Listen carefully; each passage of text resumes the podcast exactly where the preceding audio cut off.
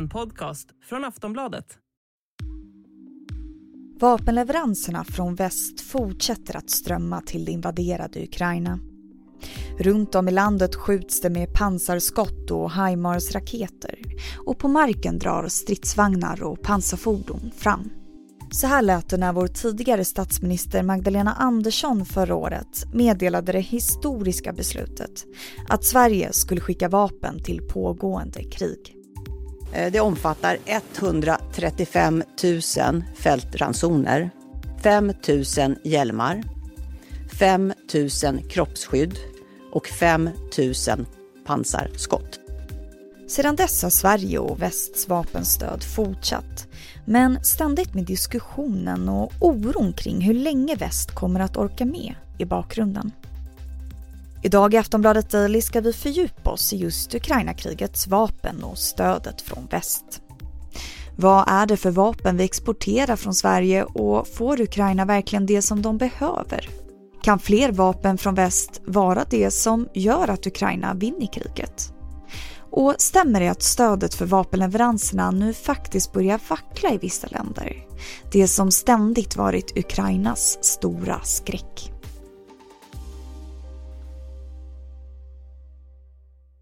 Jag heter Vilma Ljunggren och med mig här i studion idag har jag Niklas Wendt, reporter här på Aftonbladet. Hej Niklas! Hej! Kan du berätta om vilka vapen Sverige skickar till Ukraina just nu? Ja, den senaste leveransen som regeringen presenterade då i, i februari handlade då om, då var det granatgevär, pansarskott, pansarvärnsrobot, robot 57, automatgevär och minröjningsmaterial. Men den stora pjäsen där var ju då att, att man siktar på att skicka runt 50 stycken stridsfordon 90 och även eh, att man förbereder leverans av artillerisystemet Archer. Eh, stridsfordon 90 är ett pansarskyttefordon som kan transportera soldater och den har också en, en 40 mm kanon som är ganska giftig. Eh, och den, det är ett, ett, modernt fordon. Det är kärnan i våra mekaniserade brigader och ett av de, de bästa fordonen som finns i den rollen i världen. Eh, och Archer är också en jättemodern pjäs. Den är i princip helautomatiserad, väldigt effektiv artilleripjäs som snabbt kan gruppera och gruppera om så att den inte blir utslagen. Då. Och den kan skjuta vanliga spränggranater men den kan även skjuta GPS-styrda granater som kan träffa med centimeterprecision upp till fem mil bort. Så det är, det är ganska avancerade grejer. Och vad får de för vapen från andra länder då? Skiljer det sig på något sätt? Det har egentligen gått lite grann i, eh, i skov vad man har skickat men det är klart att det viktigaste kanske har varit det här eh, långräckviddiga artillerisystemet HIMARS som man har fått från USA och liknande system från Storbritannien. Och även bara traditionella haubitsar som skjuter eh, granater över långa avstånd under det som har varit de faser av kriget när det har varit artillerikrig ganska utpräglat så har det varit väldigt viktigt. Och USA är ju det landet som är den enskilt största vapenleverantören. Det är ju, de ger ungefär tio gånger mer än, än närmaste utmanare. Men eh, om man tittar på stödet sett till de olika ländernas förutsättningar så är det snarare Ukrainas grannar som är, som är mest generösa. Estland, Lettland, Litauen och Polen, de har gett motsvarande runt eh, 1% av sin BNP och det är ju varken eh, USA eller Sverige i närheten av. Och kan ukrainarna hantera de här vapnen? Vi hörde ju nyligen om att de kanske till exempel får stridsvagnar som ingen ändå kan köra. Är det liksom rätt saker de får? Det är svårt att säga. Det är att jag gissar att man har lyssnat ganska mycket på ukrainarna själva vad de, vad de tror sig kunna hantera och de har ju hittills visat sig vara ganska flinka på att ta till sig och få i bruk mängder av olika vapensystem som de har fått. Jättemånga olika typer av artilleripjäser och sådär. Samtidigt så har ju vapnen blivit mer avancerade. Det, det som skickades i början var ju ganska mycket handburna pansarvärnsrobotar, granatgevär. Uh, och sådana har, när jag var hos uh, Saab i Karlskoga i somras så fick jag testa några av de här, Enlo, Carl Gustav och pansarskott 86 då, den som kallas AT4. Och de är jätte, jättelätta att använda. Alltså en, um, en nolla på vapen som jag kunde ändå efter några minuters instruktion bara sätta skott i målet med dem på några hundra meters avstånd. Så de här vapnen de får nu, stridsfordon 90 och Leopard-stridsvagnar och så där är ju mycket mer avancerade och kräver ju mycket mer övning på att hantera. Och kanske ännu mer på att använda korrekt taktiskt för att få maximal nytta utav dem. Men eh, det är därför de här leveranserna också innefattar träning som, som redan är igång i Tyskland och Storbritannien och på andra platser. Och nu senast har man ju då aviserat att man ska skicka stridsvagnar. Det är Storbritannien och USA och Tyskland och Polen och andra som kommer skicka sina ja, tunga, tyngsta bepansrade och mest kraftfulla stridsfordon egentligen. Det som på engelska kallas för Main Battle Tank. De är ganska jämförbara alla de här systemen egentligen, men det är klart att det blir en utmaning för Ukraina att ha så många olika sorter att hantera. Det har ju också återkommande under krigets gång pratats om att vapenleveranserna eh, kommer för sent, att det går för långsamt. Hur ser det ut med det nu? Ja, det finns väl ett visst fog för den kritiken. Alltså leveranserna har ju varit ganska reaktiva. Att de har, de har kommit som eh, svar på ungefär vad Ryssland gör. Eh, snarare än att vara proaktiva och se framåt mot vad Ukraina behöver för att vinna. Så hade man redan för ett år sedan beslutat sig för att skicka stridsvagnar och pansarskyttefordon och artilleri så hade kanske mindre av Ukraina fallit då än vad som skedde nu. Men det är svårt att veta. Det har ju, det har ju funnits, det övergripande målet för till exempel USA har ju varit att inte bli inblandat i kriget och inte eskalera kriget utanför Ukrainas gränser. Och det är därför man har trevat sig fram lite grann för att se vad kommer var liksom finns Rysslands röda linjer och det, det där har man i stor utsträckning inbillat sig själv vart de finns eller varit rädd för att skicka vissa typer av material för att det kan vara för eskalerande och sådär. Och det, det, finns ju fortfarande. Det, Ukraina har ju fortfarande inte fått de mest långräckviddiga robotarna, de har inte fått stridsflyg och så vidare. Som sagt så lurar ju en eventuell krigströtthet som ett ständigt hot mot vapenleveranserna till Ukraina. Som ni hörde Niklas berätta nyss så är USA det landet som skickat mest vapen. Och där har det funnits en inrikespolitisk debatt om hur mycket och länge man ska stötta det invaderade landet. Så vad skulle hända om USA skulle bestämma sig för att dra tillbaka sitt vapenstöd? Mer om det efter pausen.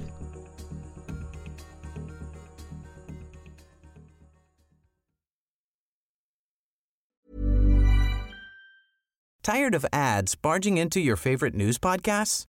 Good news. Ad-free listening is available on Amazon Music for all the music plus top podcasts included with your Prime membership.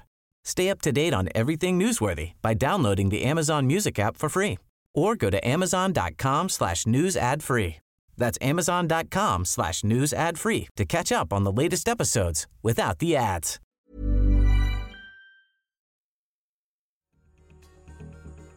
Ja, vad händer om USA, Ukrainas största stöttepelare när det gäller vapenleveranser, skulle dra sig ur? Vi låter Niklas Wendt berätta.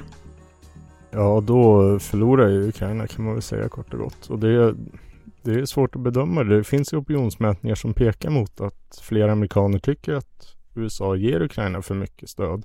Även om det fortfarande är en minoritet då. Och det finns ju också inom det republikanska partiet framförallt en mer isolationistisk falang som tycker att USA ger för mycket. Vi borde satsa på våra egna medborgare och lite så America First-linje. Och det traditionella republikanska ledarskapet är ju för att stötta Ukraina och det är ganska lätt att se att det, det jackar in i en traditionell republikansk utrikespolitik. Att man för en ganska liten slant och utan risk för egna döda kan reducera det strategiska hotet från en global rival som de ser Ryssland som. Men det är också helt möjligt att se att den här frågan kan dras in i det här kulturkriget som pågår i USA. Att, att stöd till Ukraina kan börja uppfattas som en liberal eller vänsterfråga och eh, ja, med en Trump-liknande president i Vita huset efter nästa val och en eh, republikansk eh, dominerad kongress och ja, man vet inte vart det kan ta vägen då. Och nu rapporteras det också om att stödet minskar i Europa. Framförallt verkar det svaja i Italien och Tyskland. Hur skulle det påverka om, om det europeiska stödet minskar? Det är klart att situationen i USA är viktigare med tanke på att USA har både visat större förmåga och vilja att faktiskt hjälpa Ukraina militärt. Då. Men Samtidigt skulle Europa behöva göra mer på det militära området om Ukraina inte ska förlora och man skulle också behöva stötta Ukrainas statsbudget mer med icke-militärt stöd. Eh, för Ukrainas ekonomi är ju i spillror i princip och eh, där finns ett stort hål som Europa skulle kunna fylla. Men det är klart att många länder har sina egna ekonomiska problem att dras med. Som, eh, som också är drabbade av inflation och höga energipriser och sådär. Det är klart att viljan kan svikta, men det skulle ju vara väldigt dåligt för Ukraina. Det har ju också pratats om faktumet att väst pratar högt om vilka vapen man skickar, precis som vi gör just nu då. Mm. Eh, och att det ger Ryssland en möjlighet att förbereda sig. Borde man egentligen ur ett militärstrategiskt perspektiv vara tyst om det här? Ja, jag tror inte det. Dels skulle det vara ganska svårt att dölja i alla fall och dels är nyttan med att kunna förbereda sig ganska begränsad. Men det som egentligen är viktigare är att det här med vapenleveranserna är också ett politiskt spel, eh, vilket kanske lite kontraintuitivt gör att det är väldigt viktigt att basunera ut vad man skickar. För i viss mån är ju hela kriget en typ av, av chicken race där båda sidor försöker framställa sig som att de är väldigt beslutsamma på att fullfölja det här och inte vika ner sig. Och vapenleveranser är ett av de tydligaste sätten som man konkret kan visa den här beslutsamheten. Det är det ena. Sen är det också ett internpolitiskt spel i västvärlden där de som vill stötta Ukraina gärna ser att det syns och märks för att få andra länder att också skänka mer. Eh, samtidigt som man kan vinna poäng i, politiskt i sina egna länder då. Om i den mån de är för att skicka eh, grejer så vill man gärna skylta med det såklart. Nu är det ju Ryssland och Ukraina som strider. Men frågan växer ju hur mycket vapen man egentligen kan skicka innan man själv deltar i kriget så att säga. Har du någon tanke om det? Var går gränsen? Nej, det är den där gränsen som, eh, som alla beslutsfattare i alla västländer egentligen har tampats med sedan det här kriget började och som man steg för steg har förflyttat. Och det är ju inte uh, reaktionen från rysk sida har ju inte tytt på att man hittills har eh, gått över den gränsen och det är inte uppenbart att se varför någon ytterligare leverans av till exempel stridsflyg eller så skulle, skulle göra det heller. Men det, där är ju, det är ju verkligen 10 000 kronors frågan. Och eh, ja, Ryssland började ju redan från början av kriget att hota med kärnvapen implicit. Eller att åtminstone peka på dem och säga att vi har dem här och lägger inte i för då kommer ni få se ungefär. Ehm, men, eh, men hittills har ju det varit tomma hot och ehm, men vid någon tidpunkt kanske det inte är det. Det vet man inte. Och vapenlagren då? Hur ser skillnaden ut mellan Ukraina och Rysslands vapenlager just nu?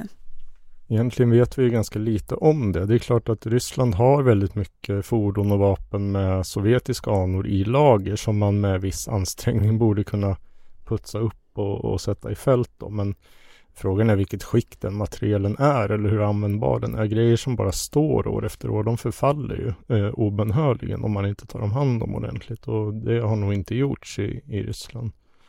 Eh, vi ser också tydliga tecken på att Ryssland skjuter mycket mindre med sitt artilleri nu och det kan ju bero på att deras logistik har förstörts av Ukrainas långräckviddiga artilleri men man måste nog också anta att det beror på att de behöver ransonera sin ammunition lite mer, att lagren börjar sina även för Ryssland. Men eh, för Ukrainas del så är de ju beroende av, av tillförsel från väst. De har inga jättestora lager själva så att säga, utan de måste ju ha hjälp hela tiden. Och om vi blickar framåt, kan fler vapen från väst vara det som gör att Ukraina vinner kriget? Ja, det är nog en förutsättning. Eh, både för att Ukraina ska vinna och för att Ukraina inte ska förlora. Det finns liksom inga alternativ. Eh, och västs förmåga att skänka materiel över tid går ju att liksom sätta frågetecken framför. För ju mer man plockar ur sina befintliga lager utan att öka produktionstakten på ny materiel så, så blir möjligheterna att hjälpa till sämre och sämre. Så man pratar ju nu inom, inom EU hur man ska kunna få industrin att bygga ut den här kapaciteten och att det måste ske ganska snabbt om inte Ukraina ska förlora helt enkelt. Så på ett sätt att ta mått och steg för att öka produktionskapaciteten långsiktigt, det kanske är ännu mer avgörande egentligen för hur det går i kriget än vad som sker på slagfältet. För om, om Putin ser att nu kommer det här stödet fortsätta komma eh, obönhörligen och eh, med en mycket mer, eh, liksom mer saker hela tiden över tid så måste hans aptit på att fortsätta kriget gå ner. Just nu räknar han med att han kan härda ut längre än vad vi kan och eh, det gäller ju att få honom att ändra den kalkylen. Så det är oumbärligt kan man säga? Ja, det kan man säga. Du har lyssnat på Aftonbladet Daily med Niklas Wendt, reporter här på Aftonbladet. Jag som intervjuade honom och gjorde det här avsnittet heter Vilma Ljunggren och tack för att du har lyssnat.